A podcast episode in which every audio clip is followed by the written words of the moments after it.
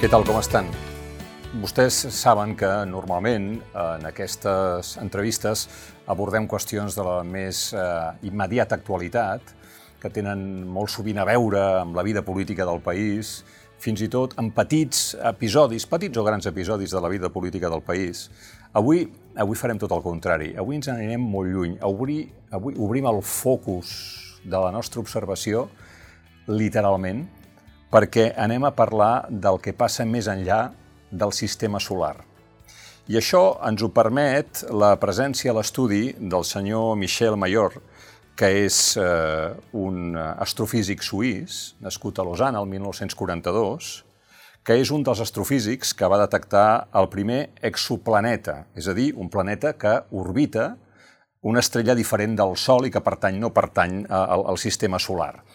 Ho va descobrir als anys 90 i resulta que ara fa 3 anys, l'any 2019, li va ser concedit a ell i a alguns dels seus col·laboradors el Premi Nobel de Física. Es poden imaginar, per tant, que hi ha molts motius per entendre que és un honor, és un plaer, eh, tenir la possibilitat de parlar de coses que ens venen molt, molt grans en tots els sentits amb algú de la seva indiscutible talla acadèmica. Senyor Mayor, euh, merci beaucoup, enchanté. Merci, merci beaucoup de cette introduction. Merci. Això vol dir que per força hi haurà vida eh, en, aquests, en tots aquests planetes. I en... La question pour la prochaine génération. Ça veut dire, c'est, on, est, non, on a déjà prouvé la première partie de la phrase d'Épicure. Hmm. Deuxième partie, certaines doivent avoir de la vie. Ah. Donc, maintenant, est-ce qu'on a les moyens de détecter de la vie?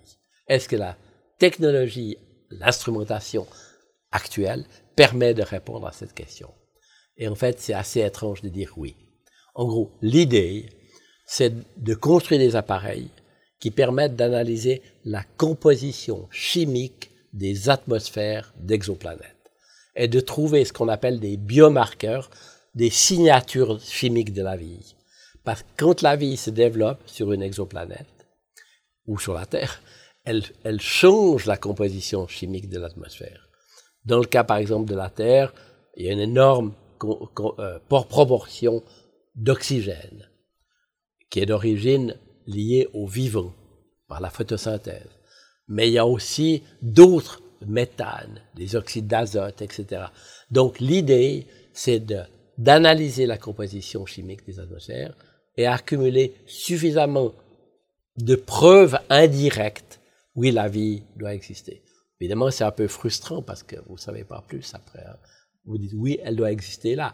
Mais néanmoins, ça répond à une question philosophique majeure.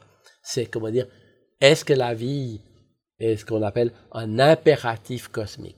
C'est-à-dire, quand les conditions sont là, est-ce que la vie va émerger? Est-ce que c'est un processus normal qui se passe dans l'évolution de l'univers? Personne ne peut répondre à cette question. Chacun a son opinion. Il y a une manière de trancher, on fait des observations et on, on essaye de prouver ça. Hi ha alguna raó que expliqui que justament en aquest racó hi hagi un planeta que es diu la Terra on s'hagin donat aquestes condicions de vida tan especials, que no es veuen al voltant? D'abord, les lois de la physique sont partout les mêmes. Ça, c'est vraiment une chose fondamentale. Il n'y a pas, la, il y a pas des lois de la physique pour à l'autre bout de la galaxie ou ici. C'est la même physique. La deuxième chose, les éléments chimiques de la vie, calcium, azote, oxygène, etc., etc., on les a partout.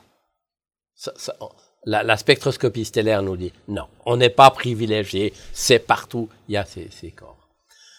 À part ça, c'est vrai qu'il y a des conditions nécessaires à la vie. Il ne faut pas qu'il fasse trop chaud, il ne faut pas qu'il fasse trop froid, il faut qu'il y ait de l'eau comme solvant chimique, mais quand vous parlez de 200 milliards d'étoiles, qui probablement ont tout un système planétaire, 200 milliards de systèmes planétaires. Alors vous êtes un peu pessimiste, vous dites, oui, mais attention, il y en a qui ont, les planètes sont trop près, ou trop loin, ou trop grosses, ou trop petites, etc. Oui.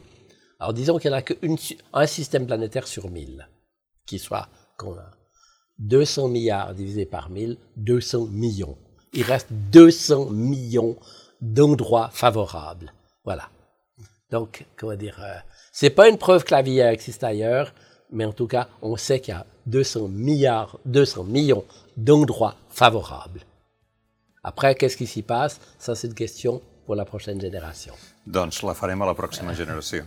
A Michel Mayor, moltíssimes gràcies per haver vingut. C'était un plaisir. Merci. El plaer ha estat nostre. Eh, també esperem, si ens volen fer arribar els seus comentaris, seran, com sempre, benvinguts en el curs d'una entrevista que ens venia eh, molt de gust fer, entre altres coses perquè ens permet sortir eh, literalment i mirar molt lluny eh, a moltes altres coses de la vida que no tenen, per desgràcia, cabuda als mitjans de comunicació gaire sovint. Fins una pròxima ocasió.